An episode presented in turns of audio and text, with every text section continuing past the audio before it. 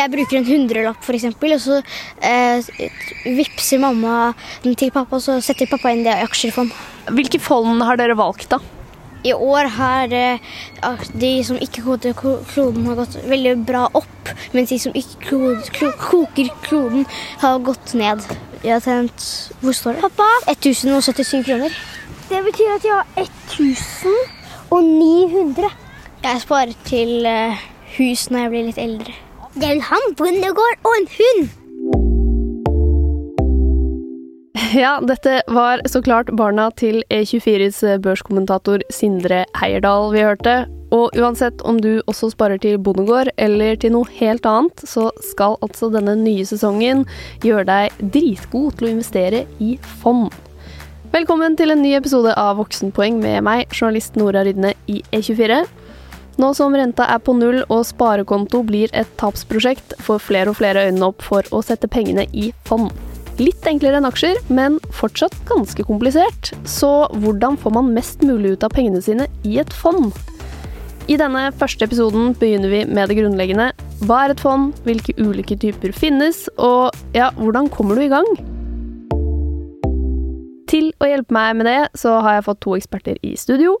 Det er deg, økonomisk rådgiver i Nav, og kvinnen bak Insta-kontoen Rikere liv, samt Facebook-gruppa Moneypennys norske versjon, Beate Engelsjøen. Velkommen. Tusen takk. Og så har vi med deg E24s egen kommentator og eier av disse fondsvante barna, Sindre Heierdal. Tusen takk. Vi kjører rett på her. Som jeg var inne på, fond litt enklere enn aksjer, men hva er egentlig forskjellen på fond og aksjer? Ja, Det kan vi ta veldig enkelt. Eh, et aksje er et verdipapir hvor du har investert direkte i en enkeltbedrift, mens et aksjefond, da har du investert i mange bedrifter, hvor det er en forvalter som gjør jobben for deg, mer eller mindre aktivt. Men da har du altså breddet ut porteføljen din, og du er ikke så prisgitt hvordan én en enkelt aksje går, men mer, mer et kobbel av aksjer, typisk minst 20 aksjer da i en portefølje. Og hvordan, hvordan funker det da? Selve fondet? Nei, da sitter det jo en eller flere og velger hvilke aksjer de vil kjøpe inn i fondet. Og så øker eller minker aksjene i verdi, og så blir utbytte betalt inn til fondet, og så blir det reinvestert, og så ja, man kjøper en andel i fondet, da. Så man kjøper ikke aksjene direkte. Så man eier ikke eh, Selv om fondet f.eks. kjøper en andel i i Storebrand så eier man ikke aksjen i Storebrand selv, det er det fondet som gjør, som står som juridisk eier. Ja. Det blir på mange måter litt enklere nå eie et eget aksje. Du trenger ikke å tenke på dette med utbytte heller, for utbyttene kommer jo for fondet. Men det bare reinvesteres, som Beate var inne på. Så det ender bare med at det er mer penger i fondet også med utbytter. Så fondet stiger og, og synker i verdi ettersom hvordan den samlede gjengen med aksjer gjør det, da. Ja, Så det er litt sånn samvirkelag for aksjer? Ja. Ja, det kan du si.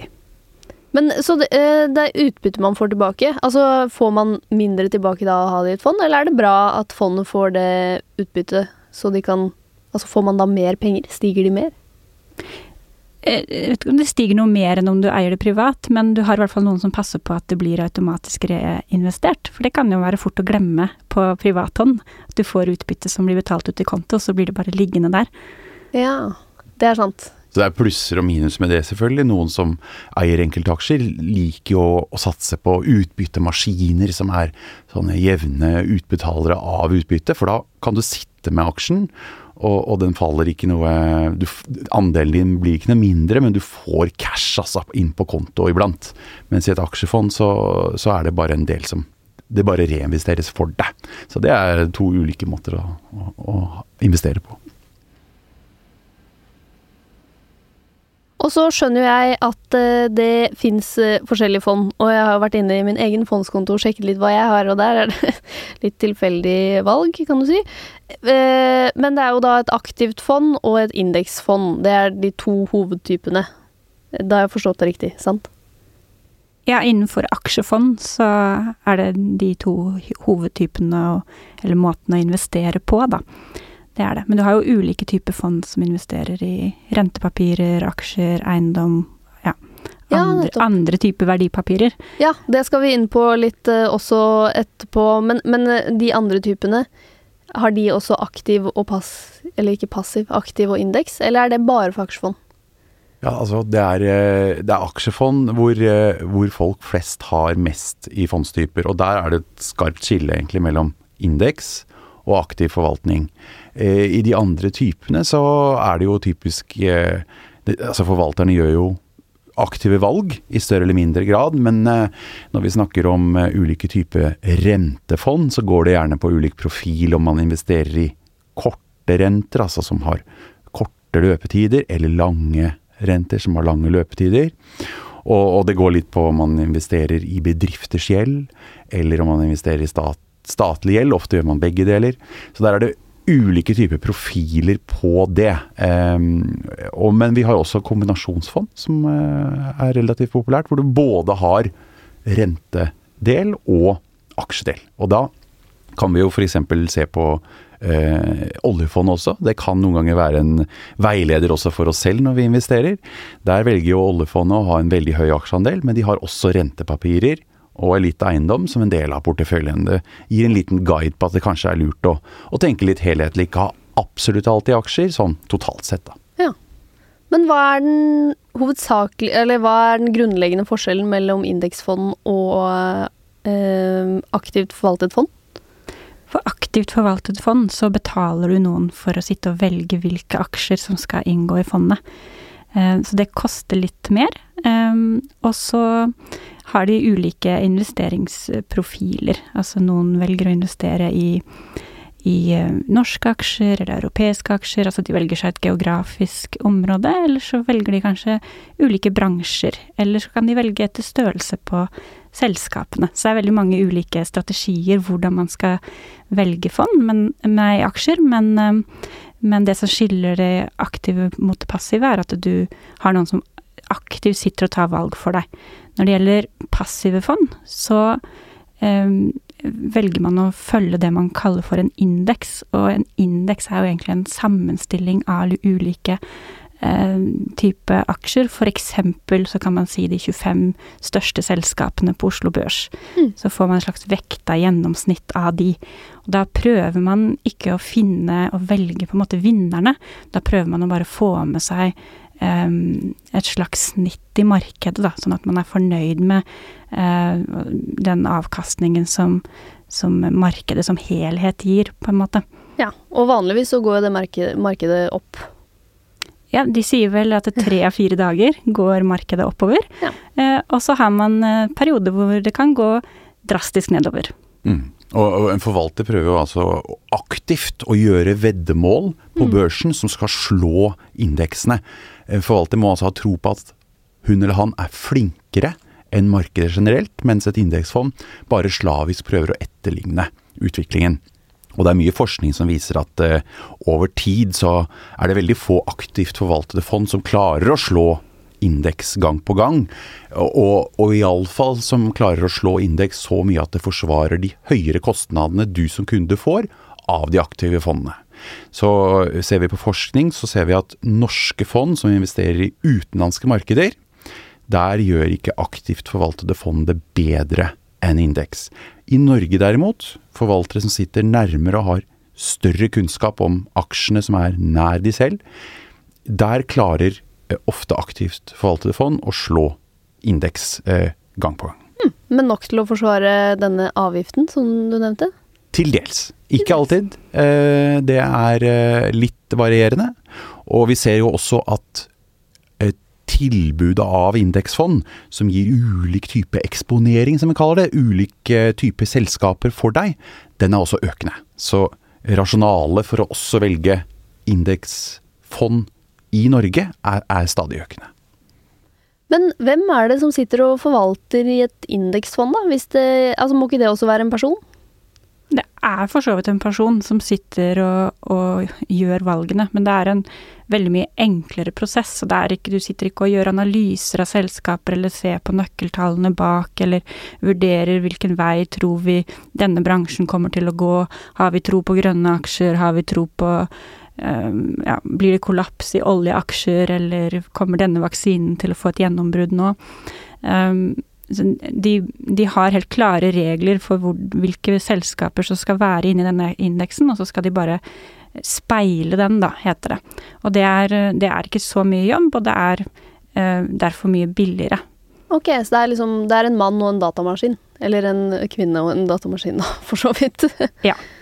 Ganske mange datamaskiner ofte. For det er, ja. Eh, det er jo, også, det er jo ikke bare bare å etterligne indeks. og Vi ser jo også der at indeksfond klarer ikke fullt ut å levere den avkastningen som f.eks. en viktig indeks som SMP 500 i New York, eller hovedindeksen i Norge. De gjør det bitte litt dårligere fordi det er vanskelig å etterligne den helt perfekt. Du klarer ikke å få akkurat de svingene, men ganske nær indeks blir det. Men hvor Altså, nå må jeg jo spørre dere, har dere fond selv? Ja. Indeks eller eh, aktivt? Jeg investerer personlig mest i indeksfond. Jeg har ca. 75% av porteføljen min i indeksfond. Og så har jeg en liten aktiv del da, med noen, noen eh, bransjefond og noen enkeltaksjer. Um, for det, det, som er med indeksfond, det er jo veldig sånn trygt og forutsigbart, og man vet at man får den avkastningen som markedet gir. Um, men det er også litt kjedelig, hvis man syns det er gøy å følge med på investeringene sine. Eh, så man vet eh, to ting med eh, indeksfond, og det er at du får markedets avkastning. Men det er også alt du får. Mm. Så hvis du har lyst til å prøve å få en ja, Slå dette, da, eller liksom treffe den raketten som gjør 200% på 14 dager, så, så må man gå utenfor indeks. Og da må man eh, enten gå i liksom smalere fond, eller, eh, eller eh, kjøpe enkeltaksjer. Så det gjør jeg lite grann. Ja. Mm. Du òg? Ja, jeg også har, jeg har vel en sånn 70 i, eh, i indeksfond. Og det meste av det i globale indeksfond. Eh, og utover det så har jeg litt i norske indeksfond. Og så har jeg resten, det som er krydderet. Eh, det er da gjerne på forvaltere jeg har spesielt tro på. Er dyktige og som har vist at de har levert avkastning over tid. Og nettopp i det jeg føler at indeksfond ennå ikke er gode nok på, det, vi, det, det er for lite tilbud av, enkeltsektorer. ikke sant? Hvis du har tro mm. på grønne teknologi, eller f.eks. Latin-Amerika som har falt forferdelig, men hvor da kanskje oppsiden er større. Mm. Og da er det vanskelig å finne så mye indeksfond som tilbyr det. Da går man gjerne på aktive fond med dessverre ofte ganske høye honorarer, men som jeg håper kan gi litt ekstra likevel. Det le leker dere dere med, altså? Ja, det er liksom leken, da. Men sitter dere da og regner på Fordi jeg har også prøvd dette. Jeg syns jo også det er litt kjedelig med indeksfond, jeg har mest på innen der. Og så syns jeg det er litt gøy å se, ikke sant, sånn eh, Hørte på nyhetene at sånn eh, når Kina begynner å komme i gang igjen, så kommer det til å bli veldig etterspørsel etter materialer. Mm, skal sitte litt penger i materialfond. Eh, men så har jeg tenkt, da er det jo den avgiften som man betaler for at noen skal sitte og gjøre disse avgjørelsene. Den er jo ofte ganske høy. Sitter dere da og regner på hvor mye skal den stige for å gjøre opp for det jeg betaler eh, i avgift, eller eh, tar dere det på feelingen? Ja, jeg regner ikke på det, men jeg eh, ser alltid på prospektet. Eh, for der står det jo eh, også hva du betaler i løpende avgifter, og hva du betaler eventuelt eh, for å gå inn i fondet og ut av fondet. For det er det noen som også tar. Ikke alle, mm. men noen. for å få et bilde av hvor mye er kostnadene. Mm. Og det finnes jo fond som, som, koster langt over 2% når du legger sammen alt. Det er for mye, det, det, det går ikke jeg inn i. Eh, så jeg går også på aktive fond og prøver å finne de som er litt billigere. Det er en god del aktive fond som ligger rundt 1% Og da synes jeg noen ganger det er verdt det hvis jeg får en helt sånn spesiell eksponering, da. Jeg har mm. f.eks. da eh, litt tro på at Latin-Amerika, som har gjort det så elendig eh, over lang tid, kanskje kan løfte seg litt, og da er jeg villig til å betale der. Ja. Er det noe du også jeg sitter heller ikke og regner på det, men jeg følger jo med på at de leverer den avkastningen som ja. man betaler en ekstra pris for, da. Uh, så Altså hvis de ligger og vaker rundt 8 da er du out? Nei, ikke, ikke nødvendigvis. Uh, man må jo ofte gi det litt tid også, for det, det, man må forvente at noen perioder så vil de prestere, underprestere litt, og så kan de ta igjen det ved å prestere godt senere. Men det jeg ser på, er eh, hvilke indekser de sammenligner seg med. For det kan man eh, det man også ofte finne i prospektet. Og da vil man kunne se at hvis de sammenligner seg med f.eks. en teknologiindeks, så bør de også gjøre det bedre enn den indeksen. Aha. Um, for dette er det man betaler ekstra for. Så hvis Ja. jeg kan få det samme ved å investere i en teknologiindeks, så, eh, så vil jeg jo heller gjøre det. Smart. Hmm. Men er det noen av dere som har eh, en liksom sånn cutoff? Fins det en pris dere ikke er villige til å betale for et aktivt fond? Ja, jeg syns jo 2 er eh, for mye. Eh, og leter etter eh, muligheter som er godt ned på ett tall, i hvert fall, hvis vi snakker om forvaltede fond. Men det blir jo en, eh, en smakssak, eh, og man må jo veie det litt opp mot eh, hvor godt man opplever at fondet er drevet. Og jeg tror en del kanskje ser på historikken. Noen fond har jo vært lenge i markedet, kanskje fem eller ti år. Så ser de at jøss, dette har gått kjempebra i ti år. Det er litt farlig å bare se på det. fordi det er jo faktisk sånn at ofte at de fondene som presterer best, vil ofte gjøre det dårligere etter hvert. De har kanskje fått kommet vel høyt opp. Men sammenligner man f.eks. ti ulike teknologifond, så er det jo eh, imponerende hvis ett teknologifond jevnt over har levert bedre enn de andre over år. Eh, noen ganger vil det også gjenspeile seg i, eh, i ratingen, som det heter, av fondet, når uavhengige aktører vurderer hvor godt fondet har gått, sånn som Morningstar.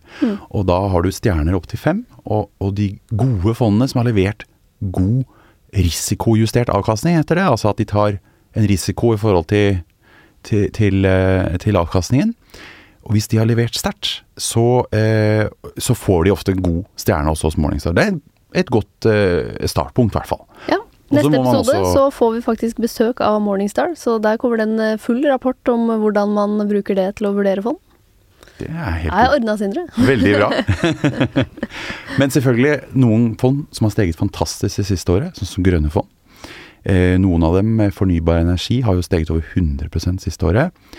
Og hvis man har veldig tro på at eh, energiskiftet er veldig sterkt, og at det er mer å gå på der, så skal man jo heller ikke la seg skremme av at oppgangen har vært så stor. Men da må man, bør man ha troen selv, da. Ja, da må man gjøre litt mer research enn før du skal inn i et indeksfond, Ja. kanskje. Definitivt. Hva med deg, Beate? Er det, har du noen eh, eh, deal-breaker på eh, forvaltningsavgift? Ja, jeg tror heller ikke jeg går inn i fond med over 2 forvaltningshonorar. Og ser meg nok eh, om etter fond som ligger godt ned på ett tall, jeg også. Og så er det, som Sindre sier her, det er ikke så lett når man skal velge eh, aktive fond, fordi at eh, det er ikke noe tvil om at det fins fond som presterer godt over tid, og eh, som kan absolutt forsvare høye forvaltningskostnader. Utfordringen er at vi klarer ikke å forutse hvem. Så selv om vi vet at mange slår indeks eh, hvert år, så er det jo det. Men vi er veldig dårlig på å forutse hvem. Så det er faktisk sånn at hvis du mener det var Skagen en gang som la fram noen tall som viste at du, hvis du konsekvent hadde valgt de fondene som hadde gjort det dårligst året før, i en gitt periode, så hadde du fått 17% høyere avkastning enn om hvis du valgte det som gjorde det best. Jeg husker ikke om det var akkurat tallene, men det var i hvert fall essensen i budskapet.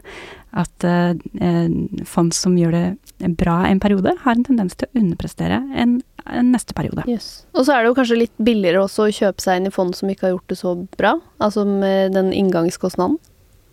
Ja, dessverre tror jeg ikke det er så stor sammenheng der, for det Nei. går med på hvor aktive de er. Ja. Men, eh, men jeg er helt enig med Beate. Og eh, i veldig mange, hvis du går inn i en bank eller, eller hos en nettmegler og, og går inn på fondslista, så er ofte det første du får opp er avkastning. Kanskje siste år eller, eller siste ti år. Da ville jeg gått i rullegardinmenyen som du har, og så gått rett og endret det til kostnader. Begynn med å se på kostnadene heller enn avkastning. fordi det å lene seg for tungt på hvordan de har gjort det før, det bør man ikke gjøre. Ok, interessant. Mm. Men nå må vi jo inn på, som eh, du kommer jo inn på det her, når du går inn og ser i rullegardina, altså eh, hvor eh, handler jeg fond? Da har du jo mange muligheter. Eh, det, du, de fleste har jo en bank. De fleste banker tilbyr en, eh, et utvalg av eh, fond, varierende hvor mange. Eh, og så har du i tillegg nettmeglere, som er et alternativ, eh, hvor tilbudet av fond ofte er enda større. Men her er det lurt å, å gjøre seg opp sine egne meninger. Sjekk litt hvor, hvor stort behov har du for et stort utvalg av fond, og hvordan er kostnadene. Eh, hvordan vil du handle? Du, vil du være en storspiller? Ønsker du å handle daglig med store beløp? Så er det opplagt noen som kan være billigere enn andre, mens hvis du gjør det mer sjeldent, så er det kanskje andre. Så det gjelder å, å gjøre seg opp litt meninger. Se på hva det koster. Se også på fondsstrukturen. Det er blitt en viss form for forms, eh, fondsjungel der ute nå, hvor det er ulike plattformavgifter, eh, ulike kickbacks. Altså dette er kompliserte termer, men det resultatet har blitt, er at noen ganger så koster fond ulikt hos ulike aktører. Så det er lurt å, å, å tenke litt gjennom òg hvilke fond vil jeg ha, og hva koster de hos banken min, eller hva vil de koste hos en nettmegler f.eks. Men eh, snakker du da om forvaltningshonorar? Ja, da snakker jeg om eh, hva det koster eh, i forvaltningshonorar, ja. Og du får jo Du vil jo få en pris som kunde. Mm. Bak den så ligger det flere ledd, hvor forvalteren skal ha noe penger, og den som tilbyr fondet, som kanskje er en annen enn den som forvalter det, også skal ha noe penger. Så du ser totalen, og det er den du trenger å forholde deg til da. Hvor handler du fond, Beate? Er det i banken, eller? Ja, jeg handler i flere banker egentlig, fordi jeg liker å prøve litt ulike løsninger og holde meg litt oppdatert på hvordan de ulike bankene um, Hva de tilbyr, rett og slett. Eh, Men eh, jeg tror for de aller, aller fleste, så hvis de er kunde i en av de store norske bankene i Norge i dag, så vil det, i hvert fall som en sånn nybegynnertips, da, så vil det være helt greit å starte, opprette en aksjesparekonto i sin egen daglige bank, og så velge et eh, billig globalt indeksfond der, da, hvis man er liksom helt i startgropa og begynner å investere. Ja, og vi trenger jo ikke gjøre det så veldig komplisert. Det er jo veldig flott hvis man kommer i gang. Eh, Det er det viktigste, og kanskje få inn en jevnlig sparing. Og så kan man etter hvert kanskje tenke seg mer om Oi, jeg har begynt å spare ganske mye. Da bør jeg kanskje se mer på hvor jeg gjør det. Eh, Det viktigste er å spare jevnt for å få ende opp med en god sum til slutt. Til drømmeferien eller pensjonstilværelsen eller tatoveringen eller hva man vil ha det til. Ja, det har jeg også lyst til å si noe om, for du spurte meg om dette med kostnader i stad, og hva som lønner seg og sånn. Og det, det er en viktig diskusjon, men det er liksom enda viktigere enn det er at du faktisk sparer og investerer, hvis du har økonomi til det. Fordi viktigere om det koster 1,2 i forvaltningshonorar eller 0,8, er jo at du faktisk putter pengene dine på børsen, da, framfor å la de stå på sparekonto, hvis du har et overskudd som du kan ha mulighet til å investere og ha lang nok tidshorisont. Det er jeg helt enig i. og eh, Vi må kanskje heller ikke se oss helt blinde på indeksfond, fordi noen syns kanskje at indeks blir så dørgende kjedelig at de da heller bare lar pengene stå i ro. Og Ja. da bør man heller kanskje vurdere dette spennende high-tech-fondet i Japan, eh, enn å bare la de stå der og så bruke litt mer i hver helg. Så det er noe med også eh, Vi må se det opp mot andre typer investeringer. Eh, og for noen så trenger de litt mer spenning. Eh, og det kan også være et alternativ til en høyrisikoaksje. Eh, en enkeltaksje som kanskje er dømt til å mislykkes fordi de er i konkursforhandlinger eller annet, og som ikke skal opp. Men hvorfor er det så krise å la pengene bli stående på konto? Det det eh, eh, Det har vært en krise egentlig i lang tid. Og det har med, med de lange rentene ute i verden å gjøre, som har blitt desto lavere nå under pandemien. Og som gjør at eh, du får knapt rente over nullpunktet i, i de store bankene. Og når du da tar med prisstigningen, så spiser jo egentlig inflasjonen opp pengene dine hvert år. De blir faktisk litt mindre verdt. Og, og sånn er det i nullrenteæraen. Hvis du da skal få en god avkastning, så blir eh, gjerne aksjer eller aksjefond det eneste alternativet for mange. Det høres ikke så dramatisk ut, men hvis du Hvis eh, prisene øker mer enn det du får igjen på renta, da, sånn at det, det spiser av verdien, så har du pengene der i lang nok tid, så kan det faktisk eh, utgjøre en betydelig reduksjon i kjøpekraft. Altså at du får kjøpt mye mindre for pengene. Um, over 20 år så kan vi snakke om så mye som 30 hvis det er en en, hvis du mangler 0,75 da, i, i rente Mm. for å gå i null, så, så kan du redusere kjøpekraften din med flere titalls prosent. Ja, det tenker man liksom ikke på, at uh, prisene stiger og alt sånt. Uh, ja. Inflasjon er liksom ikke noe jeg går rundt og tenker så aktivt på. Kanskje ikke de fleste andre heller. Nei, absolutt ikke. ikke Men det kan bli så mye. ja. Det kan bli så mye. Og det er ikke noe vi går og tenker så mye på, for vi merker det jo ikke sånn i, i, i hverdagen. Men det er egentlig noe folk burde tenke litt mer på. Og kanskje like mye som den prisveksten og inflasjonen der, burde vi tenke på liksom, dette med livsstilsinflasjon. At vi, når vi tjener mer penger, så bruker vi stadig mer penger også. Eh, og som gjør at selv om vi får høyere inntekt, så klarer vi ikke å spare noe mer penger, og går i en sånn der forbruksfelle, da, hvor, ja, hvor vi bare bruker mer og mer penger uten at vi nødvendigvis blir noe lykkeligere av det heller. Um, uten at vi klarer å realisere de drømmene vi har, eller uh, går og har liksom ja, mange muligheter der ute da, som vi ikke får utnyttet fordi at vi ikke klarer å stoppe den kjøpefesten. Så hvis man klarer å redusere forbruket sitt, sånn at man kan øke sparingen en periode, så gir jo det mange, mange muligheter. Bare ikke på bankkonto. Bare ikke på bankkonto, nei. Helt vi ser, riktig. Vi har jo tall for det. Nordmenn har forferdelig mye penger på bankkonto. Og litt er jo kjempebra å ha. Vi trenger jo litt buffer hvis vaskemaskinen ryker eller vi må ha en ny viftereim.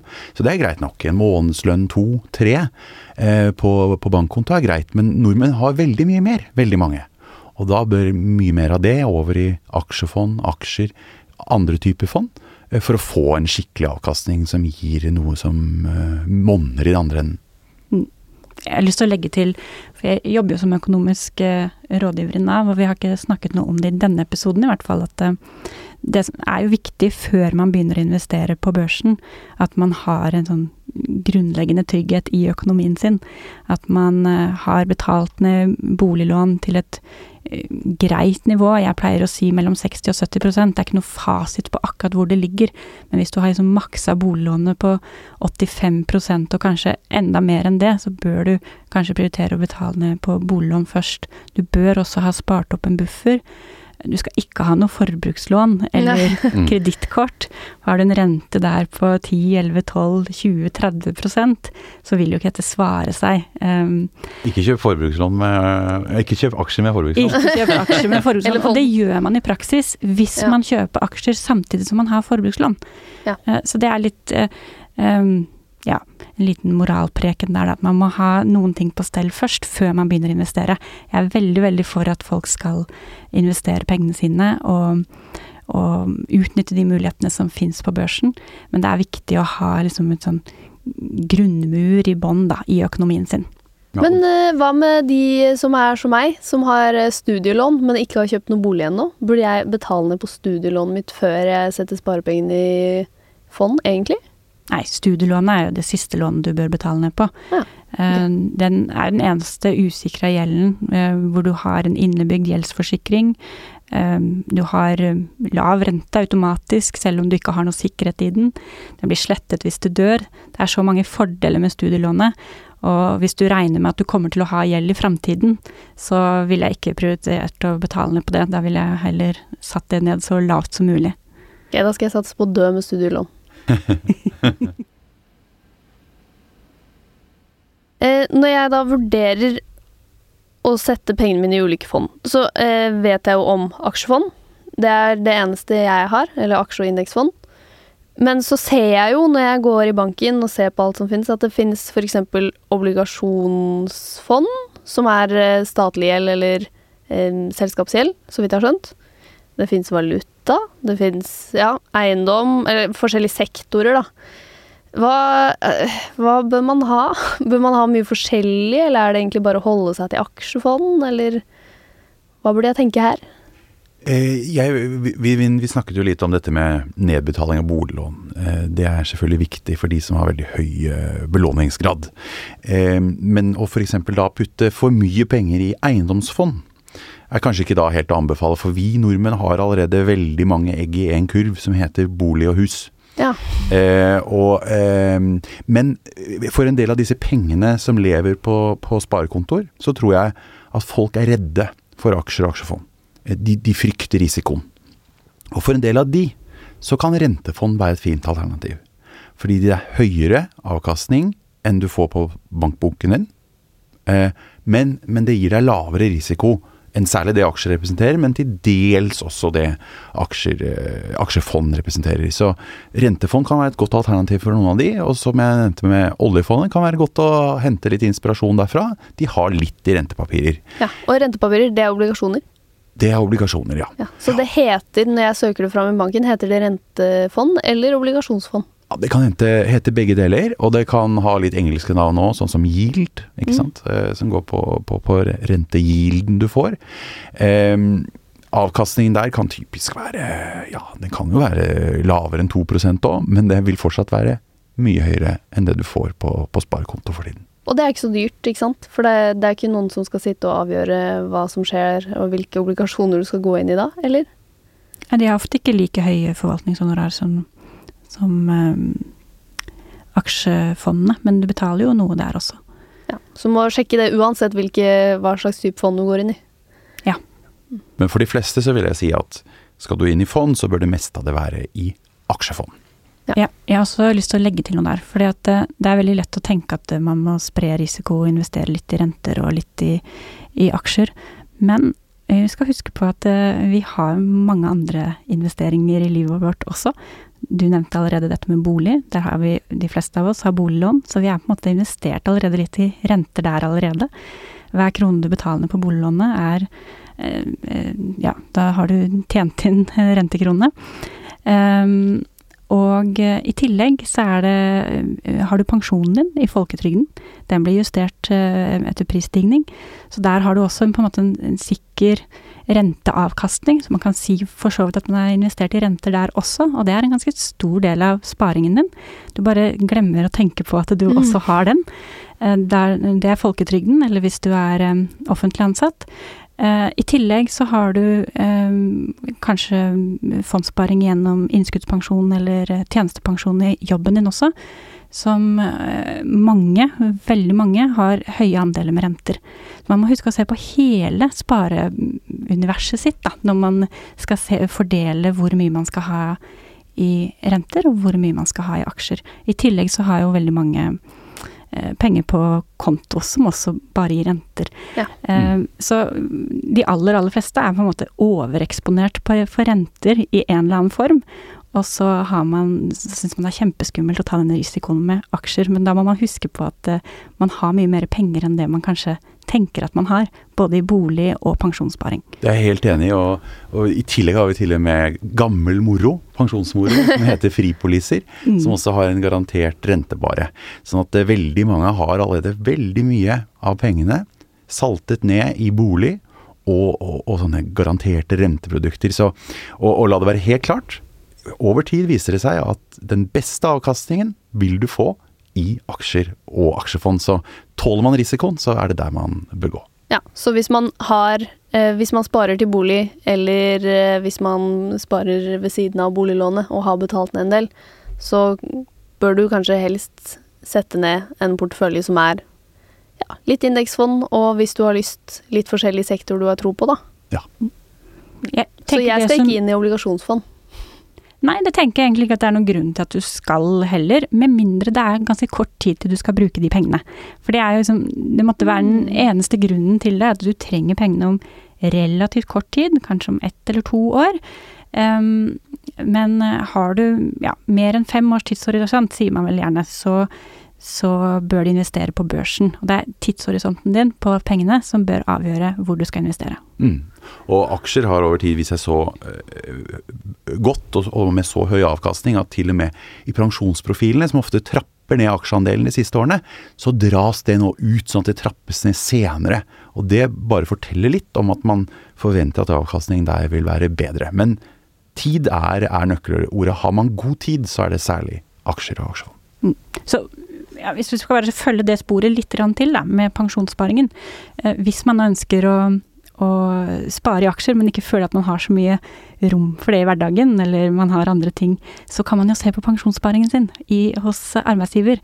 For der kan man velge hvor eh, mye man vil ha i aksjer, ofte i hvert fall, og hvor mye man vil ha i rentepapirer. Og de aller fleste unge mennesker, som er målgruppa for denne podkasten, de kan tåle å ha alt i aksjer i mange, mange år til. Men eh, ok, så har jeg da eh, Når du har sparepengene dine i et fond, så er ikke det helt gratis eh, ved siden av alle de avgiftene som er i fondet. Du må jo skatte av det.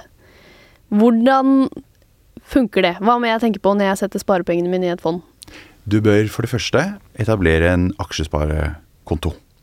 Det er et uh, lite univers som du får inne i banken. Og så lenge pengene settes der, så kan du sette det inn i enkeltfond. Uh, og for så vidt enkeltaksjer. Uh, og du kan ta de ut. Da kommer pengene tilbake til denne aksjesparekontoen uten at det er noe skatt. Staten følger ikke med om du vil, det er helt greit så lenge du har det inni dette universet ditt. Det er først når du drar pengene ut igjen fra den aksjesparekontoen at uh, dette med skatt kommer inn i bildet. Og ofte så liker jo eh, småsparere også å satse på et fond, og så syns de at dette gikk elendig. Tar de det ut fra det fondet, men de vil gjerne pløye det inn noe annet. Nå har du tro på teknologi, f.eks. Og da slipper du den skatten, så lenge du holder deg inne i dette fine, lille universet ditt. Okay. Det er en ganske stor endring som kom da eh, regjeringen innførte dette med aksjesparekonto i 2017, som egentlig har åpnet en helt ny verden for liksom vanlige småsparere. Altså som gir tilgang til en, en, eh, en fordel da, som liksom bare de man kan kalle de superrike hadde før, da de hadde liksom holdingselskapene Mm. sine, så kunne de også ha disse, disse fordelene, men nå har vi alle fått det ved at vi kan ha det på aksjesparekonto. Jeg begynte jo å spare til barna mine f.eks. før aksjesparekonto kom.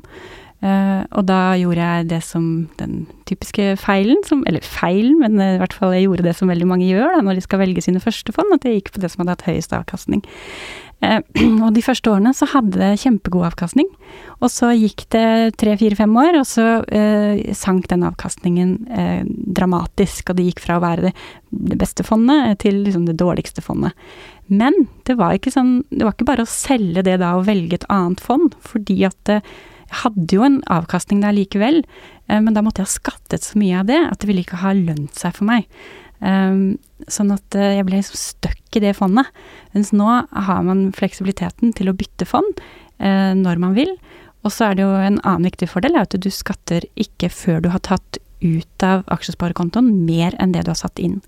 Så dette er jo virkelig med på å booste eh, sparingen din, og som gjør at du får eh, eh, som, ja, du får boosta dette renters renteeffekten, da, som det heter. At du får gevinst, altså avkastning på avkastningen din også. Og hvis man kjenner til hvordan den grafen går, så går den liksom litt trått i begynnelsen, men gir du den lang nok tid, så får den en knekk, og så skyter den opp, da går den rett til himmels. Og ingenting er så deilig som rentes renteeffekt. Det det er en slags snøball som bare ruller og blir større og større etter hvert, fordi du får, får også rente på renten om du vil. ha. Men jeg da, hvis jeg skal ta ut eh, alle mine sparepenger fra et fond, så må jo jeg da, hvis de har stått der i så lenge jeg har levd La oss si at jeg tar dem ut når jeg er 30, da. Da har de stått der i Ja. Noen har stått der i 30 år, noen har stått der i litt mindre, men det har da bygd seg opp eh, Hvordan kan jeg regne ut hva jeg må skatte på det? For det har jeg tenkt på at det, da kan du få en skikkelig smell, egentlig, hvis du bare tar ut alle de pengene og makser lånet Mm. og kjøper for alt du har, som de fleste gjør nå for å komme seg inn på et veldig hett boligmarked, i hvert fall i Oslo. Hvordan Det burde man vel regne på, i hvert fall. Hvis du eh, har en eh, bra bank, så skal banken gi deg et bilde på hva som er skattepliktig avkastning. Okay. Ehm, eller eh, skattefri Eller hva du kan ta ut skattefritt. Mm. um, og da eh, kan du se hvor mye du må skatte av. Og så vet vi at skatteprosenten er 31,68 Oi, det på, på Det er ganske mye. Uh, det er litt mindre enn vanlig lønnsinntekt, uh, men uh, den, den har økt en del. Men det er som følge av at selskapsskatten har gått ned, uten at vi skal gå noe videre inn på det, men sånn i sum så skal det bli omtrent likt, da. Bare føye til der på, på, på skatteprosenten, så er jo det Det er jo en del, men eh, det finnes jo også de som da har fond, som vi var inne på, rentefond f.eks., eller kombinasjonsfond.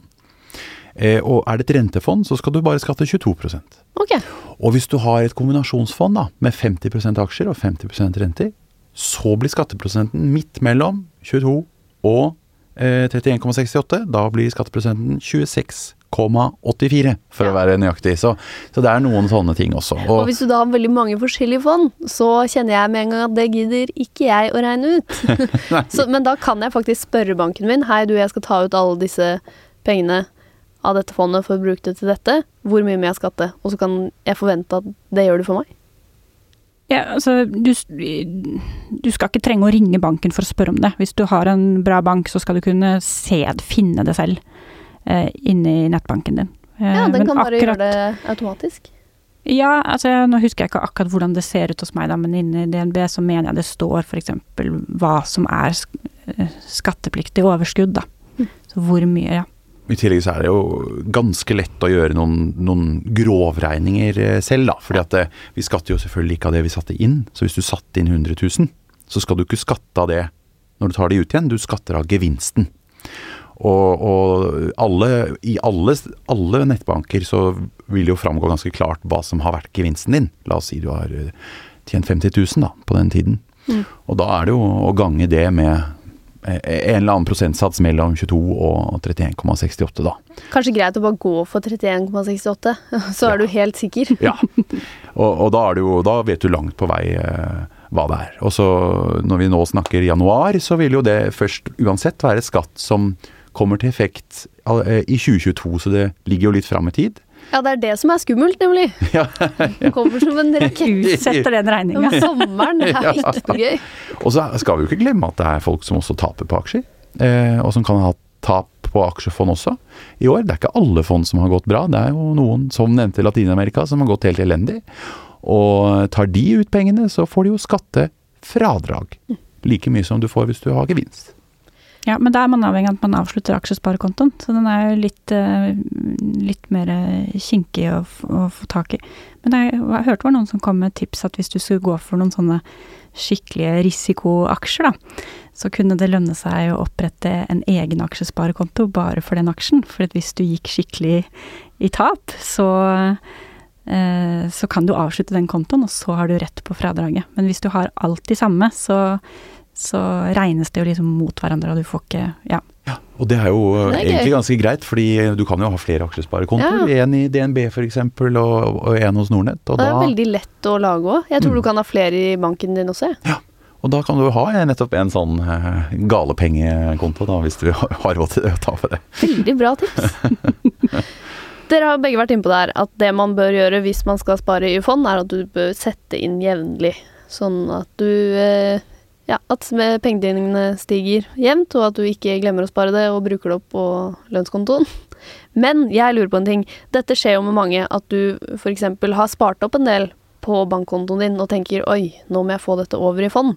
Men så sitter du der da på ja, La oss si at du på en eller annen måte har greid å spare opp 100 000 kroner som bare står på konto. Bør jeg bare måke det inn i et uh, fond med en gang? Mange proffer vil si ja.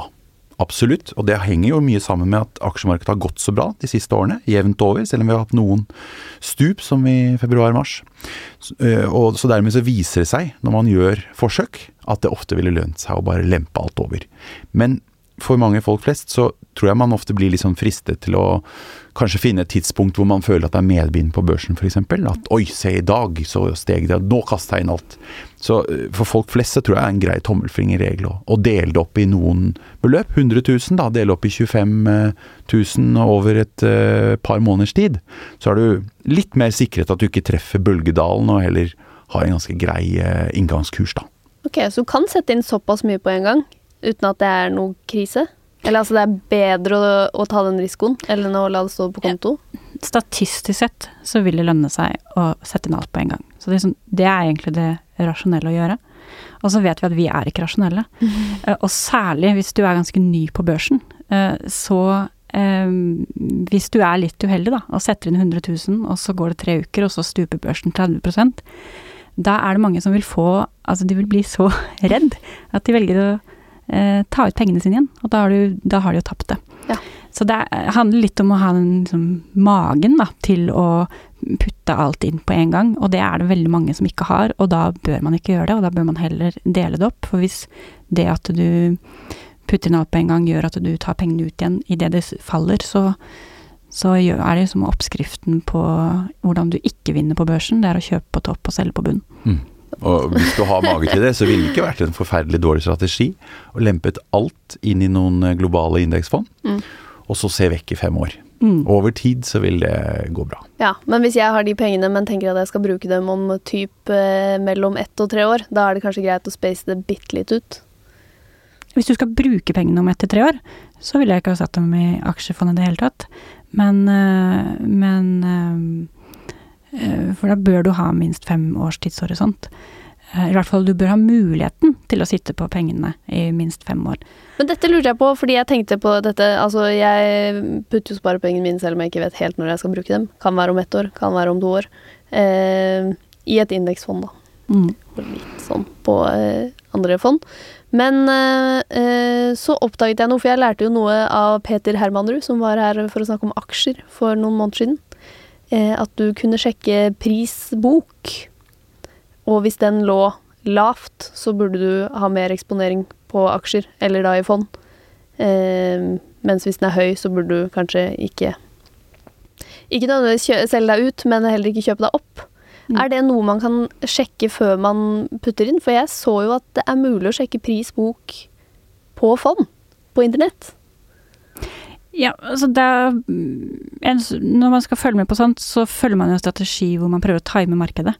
Um, og hvor man prøver å, å ja, slå indeksen og alt dette her, da. Og eh, jeg mener det er, det er vanskelig for vanlige småsparere, og egentlig ja, Jeg hadde ikke vært så opptatt av det, men man, man kan jo følge med på det. Eh, men jeg tenker at det, det lureste er å investere når du har penger tilgjengelig, og som du ikke du trenger på en stund, og å selge når du trenger pengene. Så det er egentlig to ganske greie regler å forholde seg til, og kanskje ikke prøve å være så innmari smart alltid, da. Eller man kan jo det også, men da tror jeg man har liksom kommet et hakk videre enn nybegynner i, i fondssparing. Ja, det er jeg helt enig i. Og eh, det er noe som kalles verdiaksjer, som gjerne da er aksjer som har gans, tjener ganske godt med penger i dag. Som ofte da har en god sånn målestokk på, på prisbok eller prisinntjening. Og det har vært typisk i egentlig et tiår nå at man spår verdiaksjenes comeback. Og de har gjort litt comeback etter vaksinenyhetene i høst. Men eh, legg merke til hvordan vekstaksjer, som ofte ikke tjener penger, har gått vesentlig bedre de siste årene. Så det å prøve å gjøre seg selv til ekspert og spå at nå gjør f.eks. verdiaksjene og prisbok et skikkelig comeback, det er litt skummelt eh, med egne sparepenger. Ok, så da skal jeg prøve å ikke se så mye på prisbok.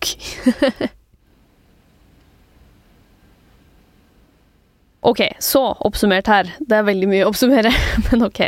Et aksjefond er å faktisk å sette pengene dine i aksjer, men det er noen andre som velger dem for deg, og det er flere aksjer i fondet, så du får på en måte automatisk en såkalt portefølje. Da. Uh, og du personlig er ikke aksjene, så det er fondet som får utbytte, f.eks. Um, og så reinvesterer de det i fondet. Det finnes to hovedtyper av aksjefond, aktive og passive, eller gjerne da kalt indeksfond. De aktive krever mer arbeid med aksjeplukking, for da prøver de som forvalter fondet å tjene så mye de kan. Og det krever jo litt arbeid som du må betale for, men et indeksfond skal prøve å matche markedet, og det krever mindre arbeid, og derfor er det gjerne billigere og litt tryggere.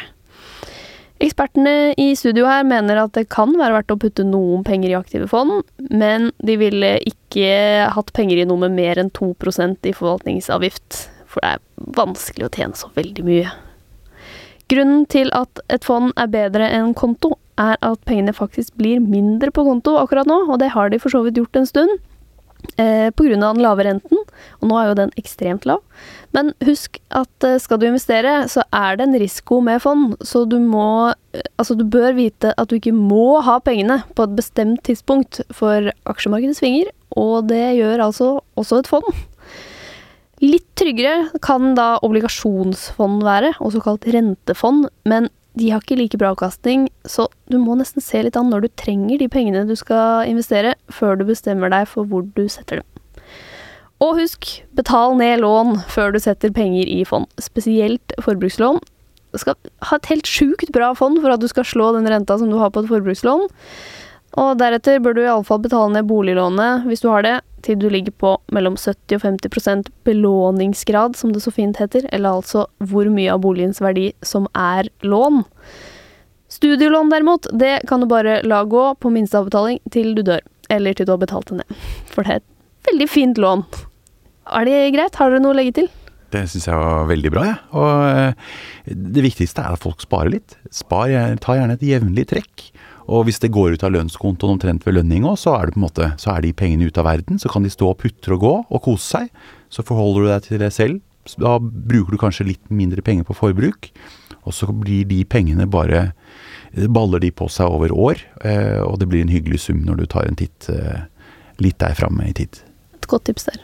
Hva med Ja. deg, Beate? Nei, jeg bare stemmer i det Sindre sier. Eh, Jevn sparing hver måned, gjerne på lønningsdatoen, er eh, god strategi. Og se på pris når du velger fond. Ja.